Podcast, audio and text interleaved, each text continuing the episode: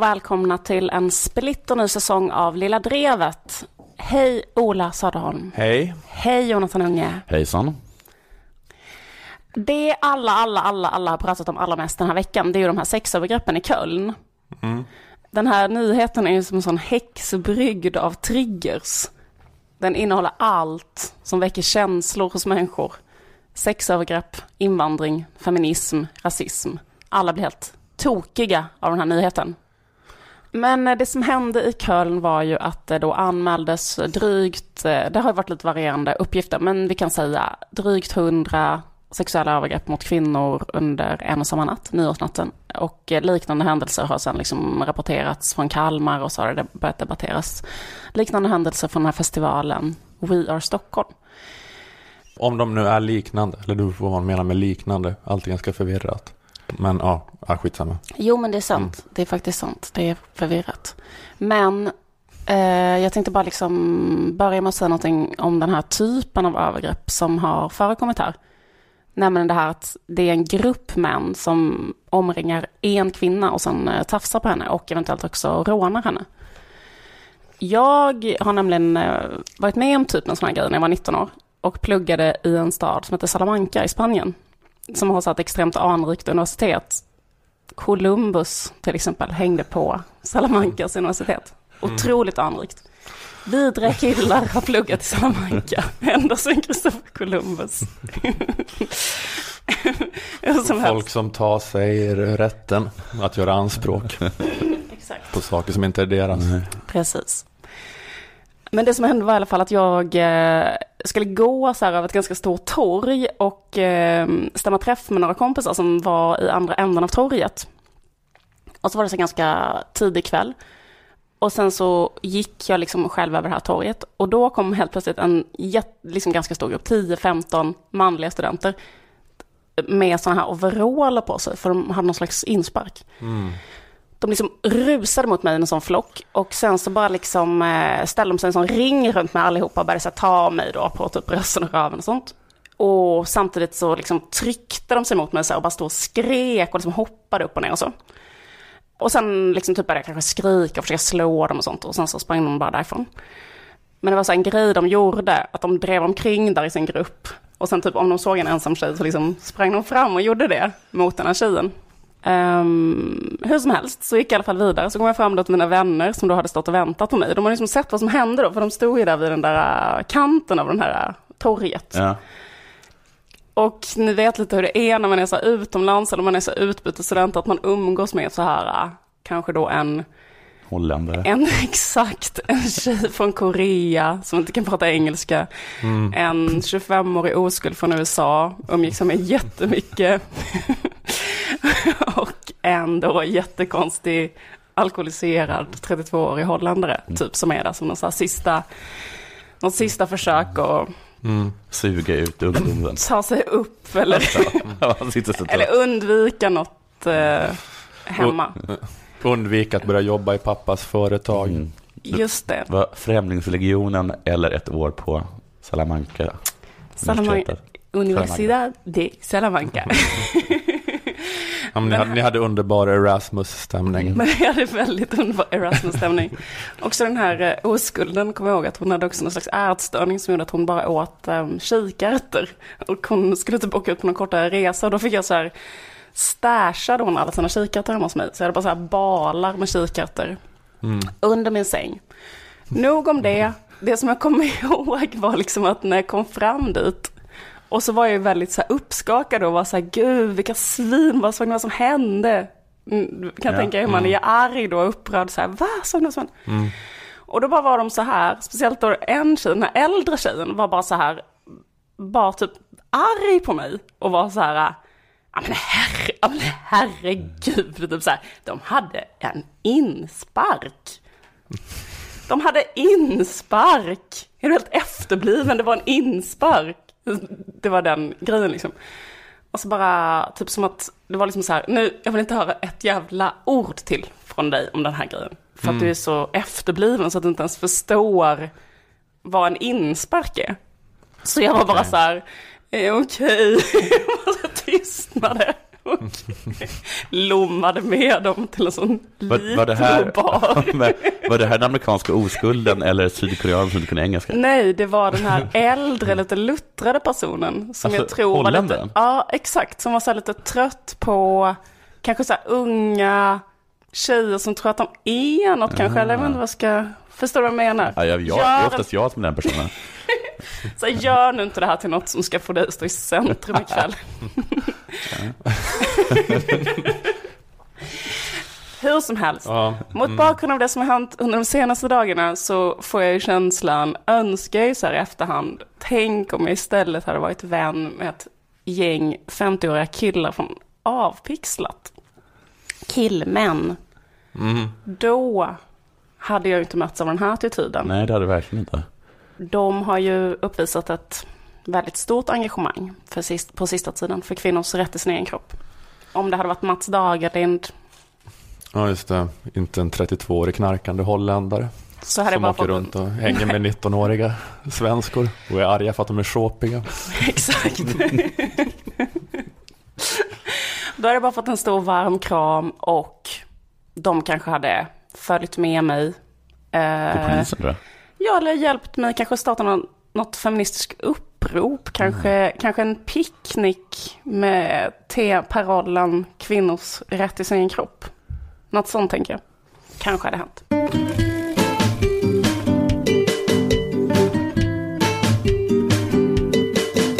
Apropå det här du sa om att det hade varit bättre att umgås med avpixlat mobben när du var utbytesstudent i Spanien. Mm. Alltså det är ju många nu då efter liksom den här då väldigt infekterade debatten om sexövergreppen i Köln. Så det är många, många i debatten som är arga nu då över att eh, massa svenska män plötsligt värnar om kvinnors rättigheter. Det krävs att kvinnokamp ska kunna användas som ett rasistiskt slagträ för att svenska män ska tycka att det är viktigt med feminism. Svenska män som sitter på avpixlat bemöter alla progressiva feministiska förslag med Håll käften, din onaturliga, äckliga lesbian. Det du säger är onaturligt. Svenska män skriver elaka saker i Sara Larssons Instagram-kommentarsfält. Mm. Du förtjänade att ha ditt namn i liten text på Bråvalla-affischen. Det var rätt att Markus Krunegård stod med större text. Sådana saker. Nej, de skrev värre saker. Gjorde de va? Svenska män. Ja, men många feminister blir oerhört provocerade över att eh, stoltheten och självgodheten över att den svenska kvinnokampen har kommit längre än den afghanska. Den självgodheten kommer nu då från grupperna som har motarbetat varje steg i den här kvinnokampen. Från svenska SD-gubbar som själva är överrepresenterade när det gäller att begå då våld och sexuella kränkningar mot kvinnor. Men, tänker jag, om man så här ändå ska anlägga någon slags Torbjörn Tännsjö-perspektiv på det här. Alltså ha ett sånt utilitaristiskt perspektiv. Inte tänka på någon annan princip än bara på vad som maximerar lyckan i universum. Är det ändå inte då bara bra att de plötsligt börjar bry sig om kvinnors rättigheter? Alltså även om de gör det av fel anledningar. Men är inte problemet att de bara bryr sig om eh, kvinnors rättigheter om förövaren är eh, utomeuropeisk? Vilket gör att de, jag skojar lite att de skulle brytt sig om det där i Spanien. De skulle kanske inte ens brytt sig om det. Jo, Det tror jag de har gjort. Massa, spa, massa spanjacker. Mm. Jag skulle säga, jag är så himla med på det här. Ja, men jag- Spanjacker håller på sådär. Du fick vatten på din kvarn. Jag fick så himla mycket vatten på min Du kvarn. menar att det är typiskt Typiskt spanjacker. att jag kunde ha väntat med det när jag pluggade där? Ja. Ja. Jag tyckte det var så himla typiskt spanjorer att hoppa fram och bara vara glada och tafsa på den. De var så här liksom glädjestrålande, kommer jag ihåg. Jag kan Alltså, tänka mig det. Jag har aldrig Jag sett kan verkligen tänka mig det. nästan någon vara så Nej. genuint lycklig och Nej, glad. nej, här tog jag dig på fittan. Vad kul vi har det. Men Ja. också, jag tänkte liksom att, det var, att, de, att de blev sura på det, att du inte kunde dela glädjen där. Men, det, okej, men man, man kan tänka sig att det finns någon slags eh, gräns som går i Europa när avpixlat-gubbarna hade brytt sig om huruvida du hade blivit utsatt för sexuella trakasserier. Men man kan tänka sig att Spanien ändå är under den gränsen. Ja, under gränsen. Där, där bryr de sig fortfarande. För att Men det, säg det, till det, exempel- det, det är de andra som tafsar. Säg till exempel att, du hade, att samma sak hade hänt dig på ett universitet i, i, i Finland. Nej, Flandern. ja. Eller Finland. Flandern. Det hade kanske inte stämt in i samma kör. I Antwerpen. Mm. Nej, just det. Nej. Mm. Ehm, ja, så skulle man kunna tänka, men jag tänker ändå att ehm, ja, men jag tänker så här att om, de, om det här liksom gör att de låter bli att tafsa, inte för att de bryr sig om kvinnor såklart, men för att ingen någonsin ska kunna anklaga dem för att bete sig som en jävla arab. Att de börjar koda tafsande som osvenskt beteende. Ja, då blir ju ändå slutresultatet att de låter bli att tafsa. Ja, just det. Man får väl ändå liksom se rasismens möjligheter. Ja, just det. Lite sådär som att vi står i kö. Att folk lär sig att stå i kö.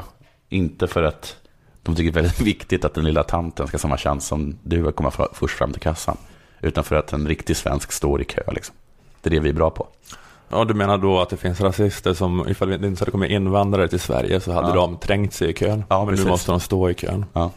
Det kan vi väl säga att jag är ganska säker på att spanjacker till exempel Mm. är ganska buffliga i kö. Eh, Kan vi vara överens om det? De står här längst fram bara i en klunga och trycker sig mot biljettluckan Ja. och skriker. Ja. Eh, Cerveza. Nej men jag menar det att, det är, att rasisterna då, det är en grupp människor som är överrepresenterade när det gäller sexuellt våld. Mm. Då, då kanske de kommer göra det mindre. Tidigare när de skrev hora till Maria Sveland eller försökte tränga sig in i portuppgången hos en tjej de följt efter hem tänkte de bara att fan vilken viking jag är. Men nu blir det då kodat som blattebeteende så nu måste de sluta med det. För att de liksom har eh, de, de har gått in med en sån hård insats i den här Mm. frågan nu. De hatar fortfarande kvinnor men de kan inte göra något längre mot kvinnor på grund av sitt hat mot invandrare. Även rasister måste förstå att man kan inte ha kakan och äta den. Det är det jag försöker säga. Jag hoppas på att rasisterna ska ha lite så konsekvens i sitt Ja. tänkande och beteende. För man måste, man måste ändå ställa sig frågan här, är det inte bättre att kvinnovåldet minskar även om kvinnohatet inte gör det? Man skulle helst vilja att både hatet och våldet minskar, men om man bara kan få att våldet minskar så tar man väl hellre det än ingenting. Istället för att säga så här, jaha nu bryr de sig om kvinnors rättigheter, borde de säga, nu bryr de sig om kvinnors rättigheter. Hurra! Det kanske är Av det fel de menar. Av fel anledningar, men ändå. Ja, du menar att när jag har läst så här, tweets från fiare nu så har jag bara betonat det fel i mitt huvud. Ja. Egentligen så st- står det, nu bryr de sig om kvinnors rättigheter. De gör det av fel anledningar, men ändå. För att risken då att en så här SD-gubbe med, med spritfett ansikte eh, trycker sig mot mig på krogen kommer kanske minska nu. Inte för att han bryr sig om min integritet, men för att han vill ta avstånd från sin mentala bild av hur skäggbarn beter sig på alla sätt som man kan komma på. Om det är det som kommer hända. Men jag tänker att de kommer fortsätta skriva sådana saker till Sara Larsson. Ja, de har kakan och äter den. Ja. Men jag, jag tänker ändå att det är ett mer effektivt argument som kommer bita på dem bättre. Att tidigare kanske man sa så här, hallå, Sara Larsson har rättigheter, man får inte kränka henne, hon är liksom, det så här sket de i. Men om man säger så här, "Ah, vadå, är du, är du någon jävla arab eller? Jag tror bara att det biter hårdare. ja, jag förstår. Eller? För att de skiter väl i Sara Larsson. Mm. Men ingen ska säga att de är, en arab. Att de blir eh, så här att de värnar, de vill värna om sitt, ja just det, men det är det här du pratade om innan, att det svenska beteendet, att man ska koda en positiv nationalism. Ja, men, eller, men det jag menar lite grann är att den, så här, den här gruppen utav Mm. avpixlat män, de kommer ju hur som helst alltid hata människor från Mellanöstern. Mm. Kvinnorättsgrejen, det är ju bara en så här ursäkt bland andra då som de kommer på för att, för att hata dem. Men jag menar, det kanske ändå är en ursäkt som kan leda till mera konstruktivt resultat än andra ursäkter. Om, om, man, om, man ska ändå vara, om man ändå ska vara rasist är det väl bättre att man är det av fake-omtanke om progressiva politiska rörelser. Jag tänkte faktiskt också på det med, liksom, de brukar vara väldigt upprörda över liksom, statsfeminismen. Alltså så här, varför är feminism ett sånt påbud från staten? Men nu har det varit väldigt många grupper som innan har varit oroliga, bekymrade över statsfeminismen, som nu vill ha sådana liksom, satsningar som känns otroligt statsfeministiska. Typ att man skulle ha så utbildningar för alla Ja. eh, som till exempel vill flytta till Sverige i eh, kvinnors rättigheter och hit och dit. Det känns ju superstatsfeministiskt. Men du tror också att, att, att, de, att de kanske kommer börja rösta för en eh, förlängd det, pappaledighet? Ja, men ba, bara för att definiera sig i motsats till liksom patriarkala mönster i Mellanöstern, Ja. där de inte har en enda pappamånad. Oj. Nej. Det är klart att vi ska ha en, eh, en mansgrupp Mm. efter Valir, Valir, vad heter, det? Skummanifestet. Just det.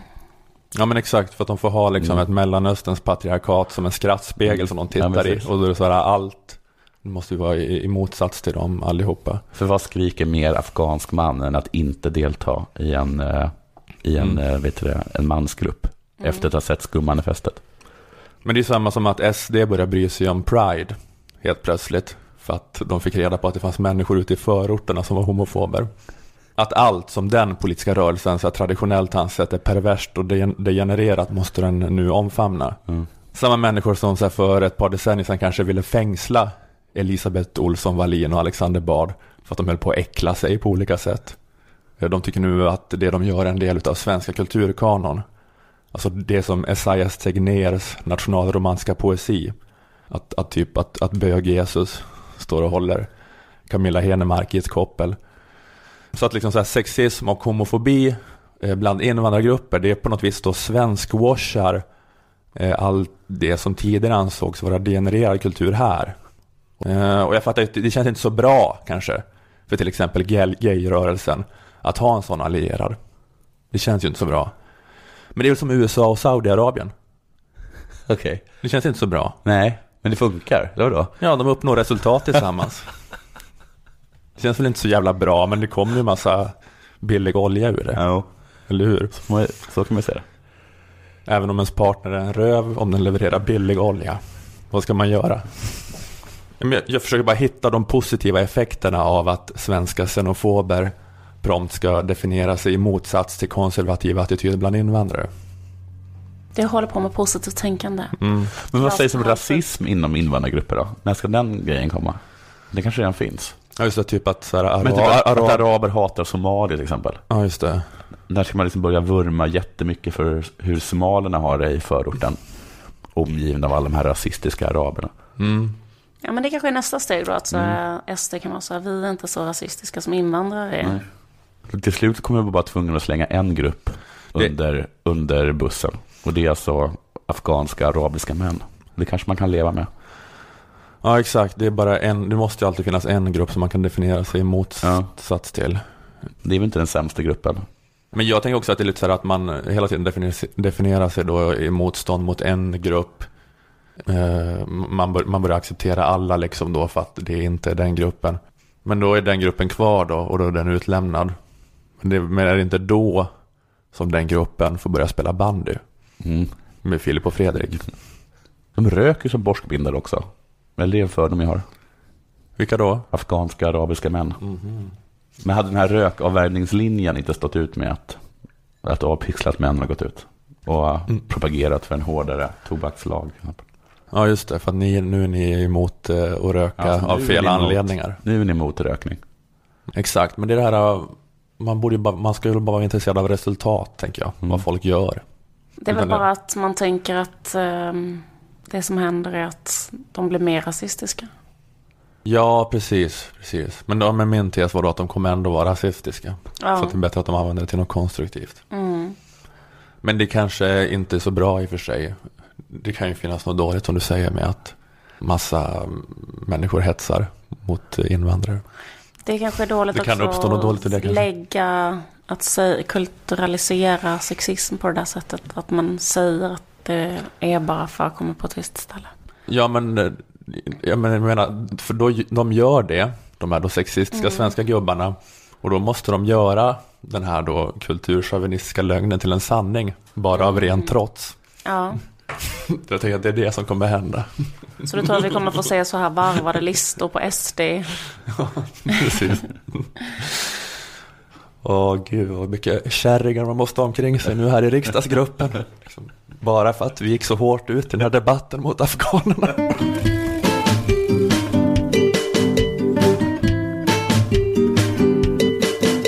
Det stormar runt kommunal. Det har briserat en bomb. Mm. En kommunalbomb. Mm. En jävla skräll, en skandal har inträffat. De har I, slösat bort ko- i pengar. kommunal. Ja, fackförbundet. Ja, slösat bort och slösat bort. Det, det är inte så, de håller inte med om det, Nej. tror jag. Det finns en hel del i, i den här bomben, i den här skandalen. Ja, Det ena rör alltså icke betalda krog och hotellbesök. Det rör eh, felsatsningar eller lyxsatsningar.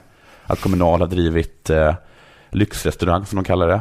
Eh, Metropol Palais, aldrig talas om. De har tagit, tagit två, två ord som låter, eh, låter, låter som låter rikt Mm. Eh, och satt ihop dem. drivit någon sorts spaanläggning som heter Marholmen. Något så här. Marholm. Och tillåtit eh, med burleskshower. Ja, det har gått med förlust. I alla fall den här, här Marholmen och ja. Metropol Palais ska tydligen ha gått 300 miljoner kronor. Eh, förlusten 2002 tror jag att det var. Men, eh, men eh, senast jag såg dem i tv så menade de att de har eh, nästan dubblerat sin, sin, sin inkomst eller sina pengar. Så, att det, så att det, är, det är jättebra. Men det har, det, har, det har ändå det har varit en skandal och folk är väldigt upprörda över det. Och jag tror att många reagerade som så här, som Göra Greider reagerade på det, när de fick reda på den här nyheten. När jag hörde om det blev jag först alldeles paff och sen alldeles matt och sen ledsen och sen slutligen förbannad naturligtvis. Ja, Göran Greider blev alltså paff, matt, ledsen och så slutligen blev han förbannad. Hans fem stadier av sorg är alltså inte fem, Nej, utan fyra. Förnekelse kan man väl säga paff. över. Ja, det kan man säga paff. Kan man säga, eller? Står bara och gapar och säger Ja, inte ett ord. ilska kommer det till också. Matt, eller skulle det vara depression då? Då har hoppat över förhandling. Okej. Men har han kommit till försoning? Han har inte kommit till acceptans, så det är kanske det vi ska ta om lite, lite, lite senare. För det är den absolut viktigaste stadiet i, de, i sorgens fem stadier. Får jag säga en sak om det? Att allt, alltså det är så, jag tycker så synd om facket på grund av den här skandalen för att den är så otroligt klyschig fackskandal. Ja, alltså, kan fack någon gång vara inblandade i något som inte innehåller, eh, liksom att det inte är så typ, eh, man får känslan av en rusig, nyrik människa med jättedålig smak som har fått alldeles för mycket pengar. Att liksom, Ja, det är att det är burleskshow på Metropol Bistro eller vad det hette. Vi Och- har en restaurang till något som låter som en sån där vi- vi- visa, en, visa anklarna och ett halvt kvinnobröst i Frankrike. Precis. Är precis som säger att det är lyxkrog, men Ja. av någon anledning så är det som att jag, så här, det, jag får inte associationerna glamour av den då. Du utstrålar inte det mot mig. Det som har pågått på den här lyxkrogen. Det är så här, varför är Puma Swede där? Det är så här, det ska vara lite klass, det ska vara palais, det ska vara, vem ska vi boka? Man bara, Men jag, Om vi ska, om vi ska ha lyx, men, men ska vi inte boka? Puma Swede då, låter helt sinnessjukt. Ja, men, ja, det är väldigt klassiskt. Det är som, en- det är som uh, skandaler som är med typ i, när man ser Palme-dokumentären. Mm. Att han sitter den där tjocka fackpampen i Benidorm och, och röker en cigarr vid poolkanten. Men det är det jag känns lite tryggt ändå med den här skandalen. Att man det känner var som förr i ja, tiden. Folkhem-Sverige lever för att det är så obehagligt med den här globaliseringen nu. Att det är bara den här hetsen med, liksom, Ja. med olika konstiga etniska Ja. motsättningar. Vi har- och vi har här haft- vi har haft- terrorism, paranoia. Ja. Nu var det liksom så här, ja. Vi har haft afghaner som tafsar på våra småtjejer. Kan vi, få, kan vi få någonting som är lite helt svenskt? Så gudskelov så dimper det ner en fackpamp som har, som har gått på burlesk show. Så känner man ändå att det är klart jag att sätta upp så här, eh, sina kvinnliga medlemmars pengar? Ska, Skansen är inte det sista svenska kvar. Liksom. En sån, sån stammande gubbe med svettigt ansikte är aktuellt liksom. Försöker förklara bort hur han har bott gratis tio gånger på den här anläggningen. Jag har glömt bort vad han heter. Anders Bergström hette han, som var, som var en sån himla klassisk person som ska Mm. förklara bort det. Det var så att han sa, jag, kommer, jag har inte exakt resultatet, men det var så här. Men jag tycker att det är okej att inte betala sin hotellnota. Absolut inte. Men du har inte gjort det. Nej, just det. Ja, det känns underbart faktiskt. Det var, det var verkligen att det var en, vad heter throwback first day eller vad det Det var kallas. som uh, kalanka på julafton. Ja, men det är faktiskt. Sillen Mm. på uh, julbordet. Mm. Ja, exakt. Ja, jag Jag, jag, när, när, jag såg han stå där och liksom svettas i Aktuellt så bara kände jag, ge mig en flagga. Jag vill kyssa en flagga. Jag, jag kände liksom inte den här äh, anomin som den här tiden präglas av, utan jag kände hemkomst liksom i, i communities, i, i mitt heimat. Men det är väl det här Din, din, klassiska. barn, din, din barndoms 80-tal. Det var som att få se en sån här uh, bävernylon overall Jag tror inte det är Sverigedemokraterna. jag tror inte att det liksom är eh, liksom huvudsverigedemokraterna, men nå- men något av Sverigedemokraternas men Sverigedemokraterna i Kristianstad eller någonting, tror det de, som hade gjort den här klassiska, att de listade vad som var typiskt svenskt. Mhm. Att man betalar tillbaka en femkrona om, om du var skyldig en femkrona. Att man stod i kö. Liksom vad som var typiskt svenskt. Och att man då, att, att man slår på tvn och ser en, en svettig stammande kommunalpamp förklara bort att de varit på striptease. Ja. Ja, men det är lite Absolut, fint på men något sätt. Det är ju något, ja precis. Världen blev begriplig igen, bara för, ett, bara för ett ögonblick. Mm. Jag tycker dock att det har varit lite väl stor eh, fok eller väl mycket fokus på just de här liksom burleskshowerna. Mm. Mm, På något sätt, så- jag vill ändå gå tillbaka till att, att det ska vara så här, alltså Mona Sahlin-skandalen som jag vet att vi fortfarande kokar över. The number one selling product of its kind with over 20 years of research and innovation. Botox Cosmetic, out of botulinum toxin A, is a prescription medicine used to temporarily make moderate to severe frown lines, crow's feet, and forehead lines look better in adults. Effects of Botox Cosmetic may spread hours to weeks after injection, causing serious symptoms. Alert your doctor right away as difficulty swallowing, speaking, breathing, eye problems, or muscle weakness may be a sign of a life threatening condition. Patients with these conditions before injection are at highest risk. Don't receive Botox Cosmetic if you have a skin infection. Side effects may include allergic reactions, injection site pain, headache, eyebrow and eyelid drooping, and eyelid swelling. Allergic reactions can include rash, welts, asthma symptoms, and dizziness. Tell your doctor about medical history, muscle or nerve conditions including ALS or Lou Gehrig's disease, myasthenia gravis, or Lambert-Eaton syndrome and medications, including botulinum toxins, as these may increase the risk of serious side effects. For full safety information, visit BotoxCosmetic.com or call 877-351-0300. See for yourself at BotoxCosmetic.com. Att det var just den här, men det spelar ingen roll, man betalar för sin jävla Toblerone. Inte att Mona Sahlin hade, låt oss gissa, liksom laddat ner mjukisporrfilmen Emanuel och kollat på den. Va, vad menar du nu? Att, Att det är liksom det, är det ekonomiska vi är upprörda över, just det. inte... Alltså för det är det man är upprörd över, det här med Rosengren, var det han som gick på porrklubb i Oslo eller vad? Ja, ja, precis. ja, Det var väl det att han inte betalade för sig, eller? Var man inte upp, så upprörd över att Var han gick inte på att han hade porrklubb? använt, han har liksom använt eh, på något sätt eh, allmänna medel Allmänna medel till det. det, var ja. någonting med att han hade liksom haft jättehöga notor Ja. och det han hade gjort hade liksom suttit och kollat Ja. på någon strippa och druckit. Ja. eh, För det kommunal har ju bara liksom, det, här, det här har ju bara skett på kommunals eh, lo, i lokaler. Så, det här, är- så säger man vill med burleskkvinnor, det här har de tjänat pengar på. det, men det, det är väl det de inte har gjort. Ja, de har har ju, men tanken var att de skulle... Sen att Puma Sweden var så jävla dyr, det hade man kanske inte kunnat... nej, Men att jag tycker det varit lite väl mycket fokus på det här nakna. att det är någon moralism kring Ja. det bara, att det inte är det viktiga. Då Nej, kan just jag det. tänka mig kanske att den nya spa-avdelningen var, var det som, är det som har kostat mest på Marholm, eller Marholm, att det är det som har kostat. Inte Tony Irvings nakna häck. Alltså jag tror inte det är det som har kostat mest. Liksom. Så därför tycker jag det är konstigt med, det har lagt så himla, himla, himla mycket fokus på eh, burlesk och den här eh, porrstjärnan som inte gjorde någonting porrigt. Hon var naken i och för sig, men det är ju inte porr. Det de har, det de har tagit upp då, som Aftonbladet har, har tagit upp, det är att eh, alltså Kommunal har bland annat stått för sådana här saker, att de har varit med och stött eh, det här projektet, vad man ska kalla det, för att införa porrförbud, eller ha porrfria hotell. Att ingen ska behöva ens bli Ja, frestad av att, eh, att betala för en porrfilm på hotell. Men Aftonbladet skriver så här, verksamheten, alltså de här burlesktjourerna, går emot fackförbundets egna etiska regler om att stoppa alla aktieköp i bolag som kan ha koppling till pornografi eller prostitution. Ja, men det skulle kanske kunna vara pornografi då. Prostitution är det absolut inte. Jag vet inte, jag tycker att det är lite väl hårt att kalla det för pornografi också. Tony Irving i My Tony. Irving är Att kalla det pornografi. Men är det en show som Tony Irving gör? Att han kommer upp och ut och, så, och går runt naken på scenen? Ja, det är Det- det faktiskt. Jag läste en recension av den showen. Där st- det står bland annat så här. Den här showen är ett motgift till potensmedel. Det skulle kunna skrivas ut på recept som botemedel åt sexmissbrukare. Tycker jag låter precis tvärt emot vad pornografi är.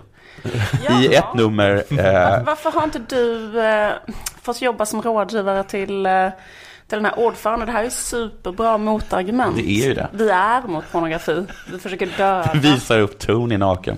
I ett nummer kletar Tony Irving chokladpudding på Kenny Solomons kropp. Kenny Solomon är den här snabba killen i Bredbandsbolagets eh, eh, reklamfilmer. Sedan går Kenny ner i publiken där två får slicka pudding från hans bringa. Eh, Kennys bringa alltså. Man kan avlägga kyskhetslöfte för mindre, stod det alltså i Aftonbladets recension av det här som de, Aftonbladet sen menar är pornografi och prostitution. Hur ska ni ha det Aftonbladet? Hur ska ni ha det? Bra, bra gräv. Vad är det för dubbelmoral? Eh, Aftonbladet ställer alltså den här stackars, stackars Anders Bergström mot väggen. De ställer frågan som, men är ni så aningslösa så vem som helst bara kan komma in och hyra stället? Nej, det är vi inte. Utan det har skett ett misstag tyvärr. Jag ber, så, jag ber så hemskt mycket om ursäkt för det här misstaget. Aftonbladet har sökt Kommunals ordförande, Anneli Nordström, upprepade gånger. Men hon har inte hört av sig. Anneli Nordström tycker precis som jag att det här är fruktansvärt, säger Bergström då, till Aftonbladet. Men varför vill hon inte prata om de här sakerna? Men det är precis som jag säger, att Anneli Nordström tycker precis som jag att det här, att det här porrstjärnan, det är fruktansvärt, jätteuselt. Han menar sen också att han inte har några synpunkter på kultur. Kultur måste kunna få leva också i Sverige. Kulturen måste ju också få leva i Sverige, säger Anders Bergström. I, en, i ett, tycker jag, ett sämre argument än att eh, det är liksom ett eh, motgift mot potensmedel.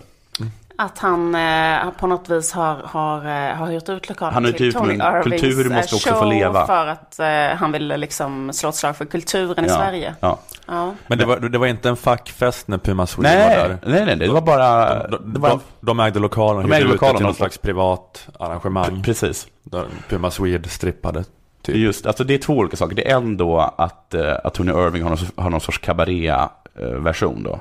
Och då där är Tony Irving naken och så är folk lite smånakna. Man får slicka pudding från den här Kenny. Och sen är det någonting som jag ska åter- återkomma till lite senare som heter Bubbles and Brunch. Och där, med, och där var Puma Sweden med. Aftonbladet fortsätter, även kultur där man hetsar publiken att slicka på en naken mans bröst. Det kan jag inte säga någonting om, för det har jag inte sett överhuvudtaget, säger Anders Bergström. Men han vill också inte, han vill inte ta ställning i vad som är kultur. Han tycker att kultur måste få leva också i Sverige. Men att han är emot det, men han är för, samtidigt för att kulturen är fri. Att det är lite motsägelsefullt. Ja. Det här, ni kanske inte vet vad, vad Bubbles and Brunch är för någonting? Nej, Nej, men därför ska jag läsa upp vad Bubbles and Brunch är. ja. på Bubbles and Brunch egen hemsida. Bubbles and Brunch är en exklusiv lördagsbrunch för särskilt inbjudna gäster från 13.00 med lugn housemusik i bakgrunden till mat. Men plötsligt klockan 15.00 prick täcks fönstren för, musiken höjs och Stockholms absolut mest galna dagfest startar. Vi lämnar lördagseftermiddagen som du kände till den utanför den övervakade entrén, den är alltså övervakad. Nu kan vad som helst hända och, det blir inte för, och bli inte förvånad om inte självaste påven skymtar förbi i konfettiregnet. Påven, ska läggas till, är en dvärg som springer omkring. Utklädd till påve. Ja. Men man kan förstå att kanske att Anders borde förstått vad den här Bubbles and Brunch är. För så här beskriver Jerry Forsberg, eh, som alltså driver Bubbles and Brunch. På en skala från 1 till 10 på hur galet det kommer gå, så kommer det gå upp till 12. Och då förstår ni hur tokigt det är. Men det är så Det är här, alltså två över så totalt galet det kan bli. och det är liksom en burlesk fest. Det är en burleskfest ja. Det känns Och där var att, tydligen Puma Sweden med. Jag tycker det är snällt av dig att hela tiden säga burlesk. För burlesk är väl ändå så här... äh, jag, jag tycker att det här låter som något annat. men är det inte så att, Ehm, nämligen eh, bara... Men det är dekadent, eh, eller du, det är bara att det är Nej, men bara dålig smak. jag var till bara i tack. Ja men det tror jag att det är. Men vi kan väl fråga någon som har varit För där. burlesk är ändå att man har så sytt sin egen kostym och har en plin på sig. Men det här är bara så att Tony Irving Mm. Och Puma Swede. men en Men dvärg, är inte en dvärg som är utklädd till påven? Sån eh, burlesk. Han kommer in i ett konfettiregn av guld. Men det känns som att det är så här uh, burlesk som uh, det är i Colin Nutleys huvud. När de in- invaderar, exakt så. invaderar Ägglagård. Nej men det är exakt så. Alltså jag kan verkligen tänka mig att hon, alltså Helena Bergströms huvudroll, var exakt sådana eh, festen hon anordnade. Mm. Men kommer du ihåg att hon berättade att det, var så himla, att det var så himla kul en gång när hon kom in och hade bananer i, på brösten? Jo, just Jo, det. exakt så. Det är exakt sådana personer. Du är typ på tuttarna. Ja. Hon berättar det för han Ernst Günther. En otroligt jobbig scen. Fruktansvärd scen. Men, Men- vad men- betyder det? Det är en brunch samtidigt som är efter. Det är mycket det här att något händer vid en tidpunkt det inte egentligen skulle ha hänt. Ja, precis. Man äter brunch Ja. vid ett. Och sen Sen, kom, sen plötsligt så kommer eh, är det konfettiregn. fest.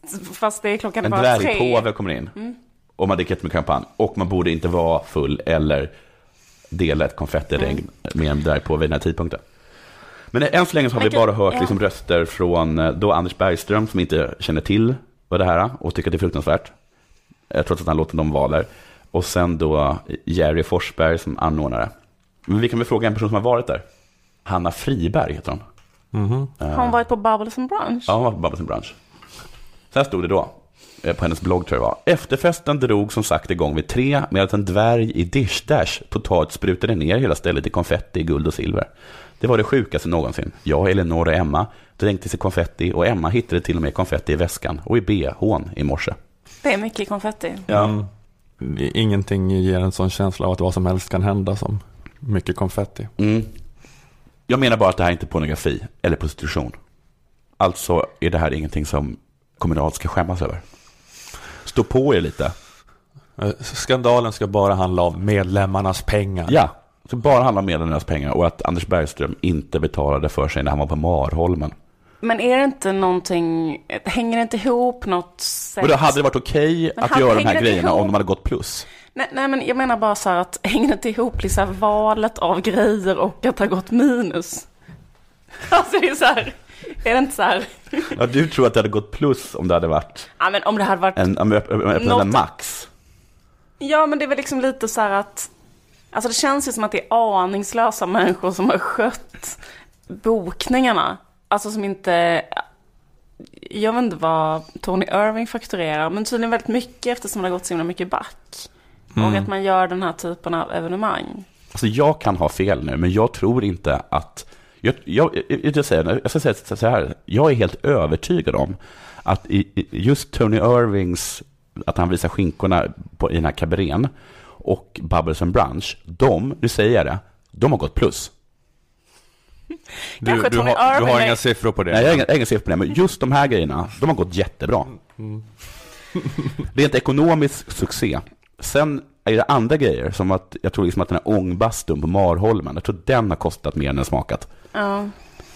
Okej. Så jag förstår Men- inte varför man drar in de Men här. du- varför, du- varför drar man in de enda sakerna som uppenbarligen inte är prostitution och som dessutom har ek- gått ekonomiskt i mitt huvud då Mm. jättebra. Precis, du vet ingenting om det här med Bubbles and Brunch och ångbastun, vad som har gått bäst och sämst Nej, egentligen. jag, kollar men, jag kollar på deras hemsida, den, den ser ganska, det ser ganska rik ut. ja. Jag har himla svårt att tro att det är Bubbles and Brunch och Tony Irvings Cabaret som har dragit kommunal i fördärvet. mm. Då tror jag att det inte, kanske, en, det är, de kanske har en meny som inte funkar. Eller sådana saker. Men jag tror att det har varit smockat på Bubbles and Brunch och, eh, och kabaréerna. Där, där har ni ingenting på kommunal kan jag säga. Mm. Det här tror verkligen Jonathan. Jonathan tror det här. Och jag är ganska säker också att, alltså, och hade man ba, inte kanske byggt den här ångbastun på Marholmen eller Marholm och inte haft den där misslyckade eh, strejken som de hade för några år sedan. utan bara satsat på Bubbles and Brunch och Tony Irvings kabaré. Så hade det här varit en succésaga. Inte haft Där kan man vara någon efterklok. facklig verksamhet överhuvudtaget. Utan bara haft Jag tror där kan man vara lite efter, dvärgen skulle få större, en större roll. Ja men eh, vad bra, jag hoppas att eh, företrädare för kommunal... Ring mig om ni behöver argument. Så jag vill bara säga att eh, till Göran Greider att jag har i alla fall kommit fram till stadiet acceptans. Jag tycker att även du ska göra det. För det här är faktiskt ingenting att uppröra sig över.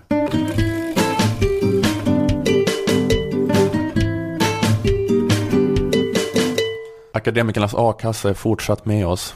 härligt. Möjliggör den här podden 2016 också. Det är vi oerhört glada för. Att ha en sån eh, härlig sponsor Tack med så ett så jättemycket. fint budskap som vi kan stå bakom. Att man ska gå med i a-kassan.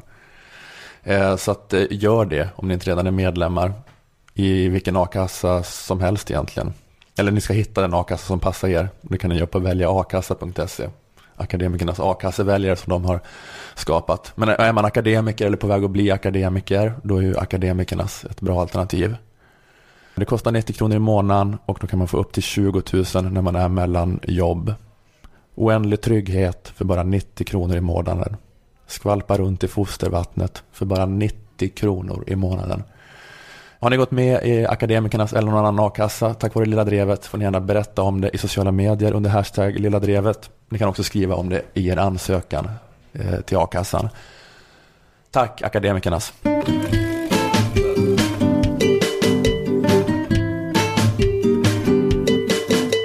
Det finns en tes som flera vänsterdebattörer och vänsterfeminister har drivit gällande händelserna i Köln. Eh, och den tesen är att det som hände i Köln och på festivalen We Are Stockholm inte är avvikande eller exceptionellt, utan att det istället är en del av ett mönster som kvinnor är med om hela tiden på en massa platser, fast i mindre skala. Mm. Kriminologen Nina Rung säger till exempel i Studio 1 så här. Och den här typen, det som, som eh, många också har skrivit om är just att det här är ju övergrepp som har skett varje dag. Mm. Hela tiden under tiden jag har växt upp, alla mina, mina kamrater och så vidare. Så det, det, är ju inget nytt fenomen det vi såg på Boja Stockholm. Och eh, Hanna Fahl är inne på samma spår i DN. Hon skriver så här. Många män reagerar på Köln som om det är det mest sinnessjuka och avvikande de har hört och fördömandet är självklart och viktigt. Men vet män att många kvinnors första reaktion på övergreppen i Köln inte är förvåning utan igenkänning. Hon skriver vidare. Det är en fasansfull händelse, ofattbar och samtidigt så bekant. Principen, inte skalan. Alltså, hon menar då liksom att på grund av att eh, kvinnor då är välbekanta med det här fenomenet sexuella trakasserier, vilket vi ju naturligtvis är, så blir man då inte lika förvånad när man hör att eh, flera hundra kvinnor trakasserats på samma plats på samma natt. Ja, men är det inte skalan man var upprörd över? Jo. och, ja, men, och, och, och, men och, och det här liksom organisations, att det liksom var en sån masspsykos eller jag menar, det kändes ju lite, alltså att läsa om det som hände i Köln kändes ju mer, tycker jag, som att läsa om när de allierade invaderade Ostpreussen. Mm. Och, alltså de sexövergreppen än om att läsa vittnesmål från Johanna Koljonens hashtag prata om det kampanj. Utan att förringa det vidriga i det, i det också. Men det var ändå så det kändes. Det, kände, det kändes ju rätt annorlunda. Ja, precis. Jag kommer återkomma till det. Det är liksom... Eh, jag vet inte. Jag bara tänker det var konstigt just här för att man har kännedom om sexuella trakasserier. Att man då läste om det i Köln och bara typ hasade av stolen av trötthet. Och bara... Man gäspade så hårt så att man liksom bara hasade ner. Gud, vilka gamla nyheter. Varför står det bara saker i tidningen som jag redan vet om? Mm. Sluta berätta saker för mig som jag redan vet. Jag sitter redan här på min stol på DNs redaktion omringad av. Nej. Jo, det var roligt. Jag har redan tio händer på min röv. Mm. Sluta berätta det här för mig. Björn Wiman tar på mig as we speak. Mm. Jag skriver det här med Björn Wimans vänstra hand på mitt bröst. Det är därför jag undviker... Jag kommer inte åt skiftknappen på grund av Björn Wimans tafsande hand. Det är inte samma skala, men ändå samma princip. Nej, men eh, även Martin Ågård har samma spaning då på Aftonbladet Kultur, vår alma mater. Alltså då liksom att övergreppen i Köln inte är något avvikande. Han skriver så här. Snarlika händelser som hände i Köln har inträffat i Sverige så sent som i somras. Under Bråvallafestivalen 2015 rapporterades två våldtäkter och en tredje kvinna rapporterar att en man har försökt slita av henne kläderna strax invid en av scenerna. Och jag bara funderar lite över det här, varför man driver den tesen så himla hårt. Att eftersom sexuellt våld mot kvinnor då är ett jättevanligt problem som förekommer på alla platser och i alla olika grupper av människor, vilket är sant och belagt, alla vet om det. Men även om man vet om det och känner till det, varför kan man ändå inte säga att det som hände i Köln var avvikande? För att det som hände i Köln var avvikande. Som Hanna Fahl skriver så att den enda skillnaden eh, mellan Köln och vanliga sexuella trakasserier är skalan.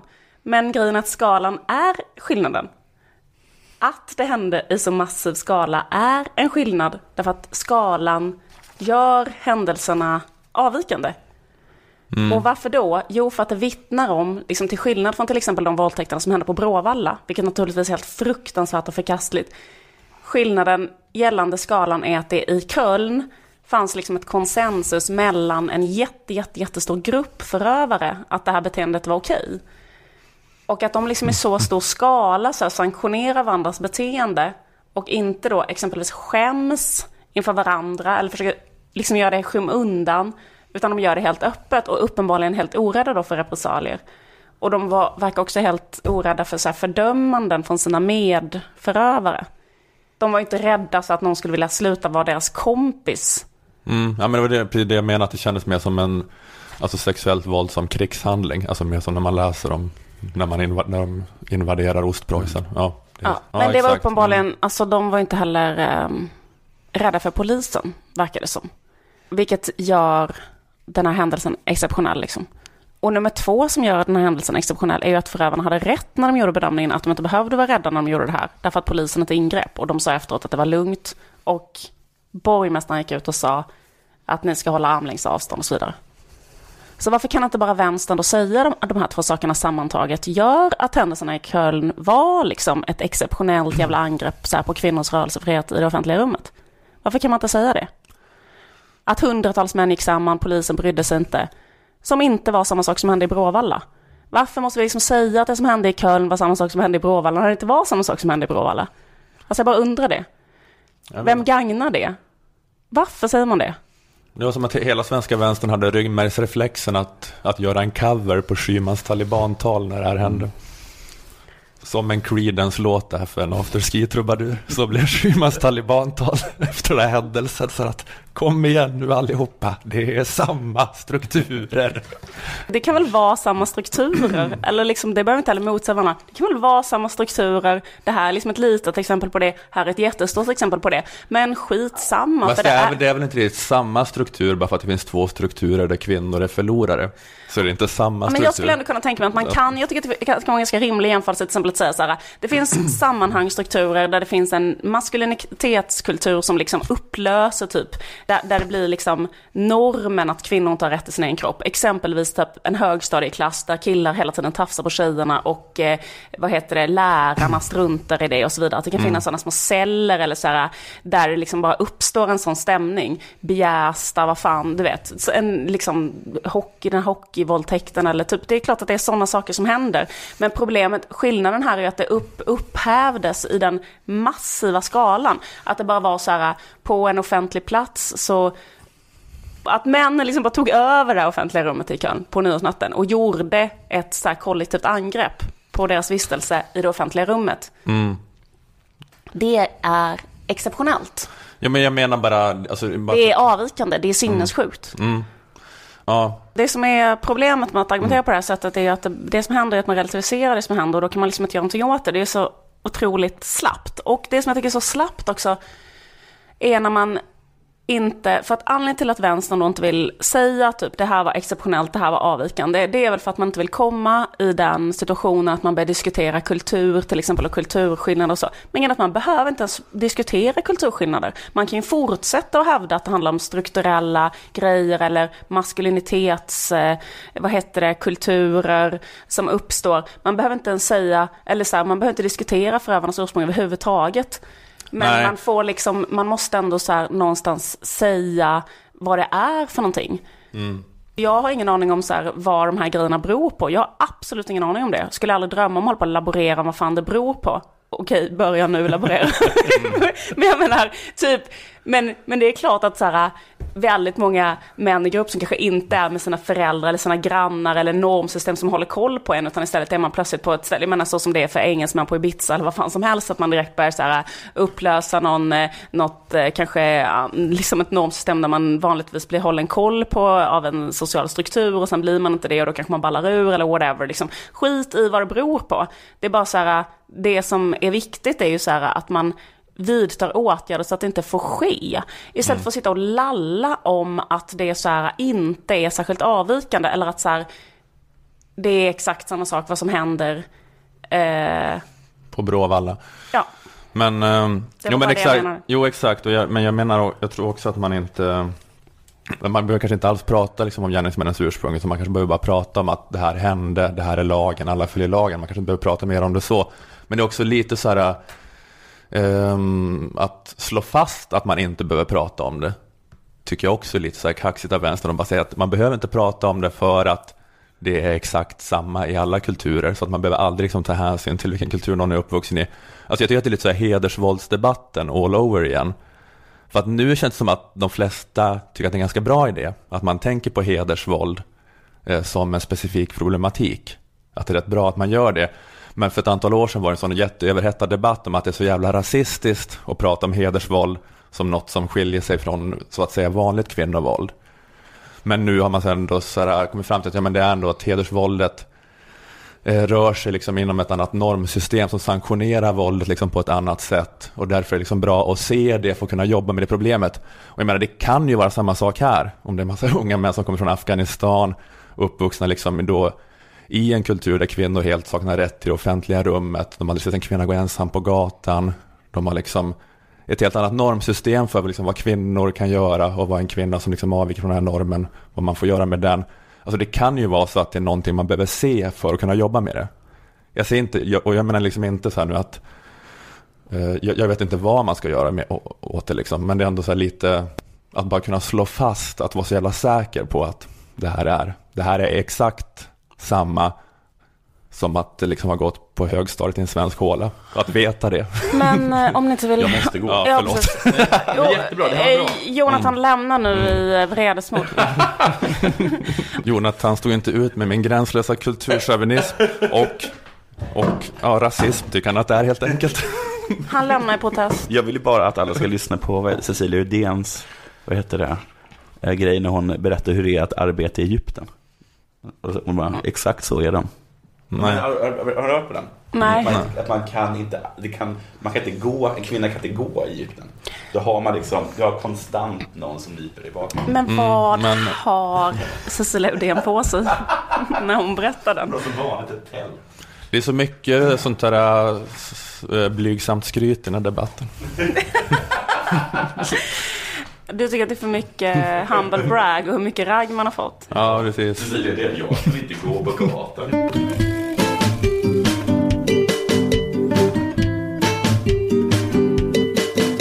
Ja, det var allt som eh, vi hade eh, ifrån Lilla Drevet idag. Men det känns jättekul för vi är igång med en ny säsong och eh, vi kommer komma en gång i veckan nu. Så att mm.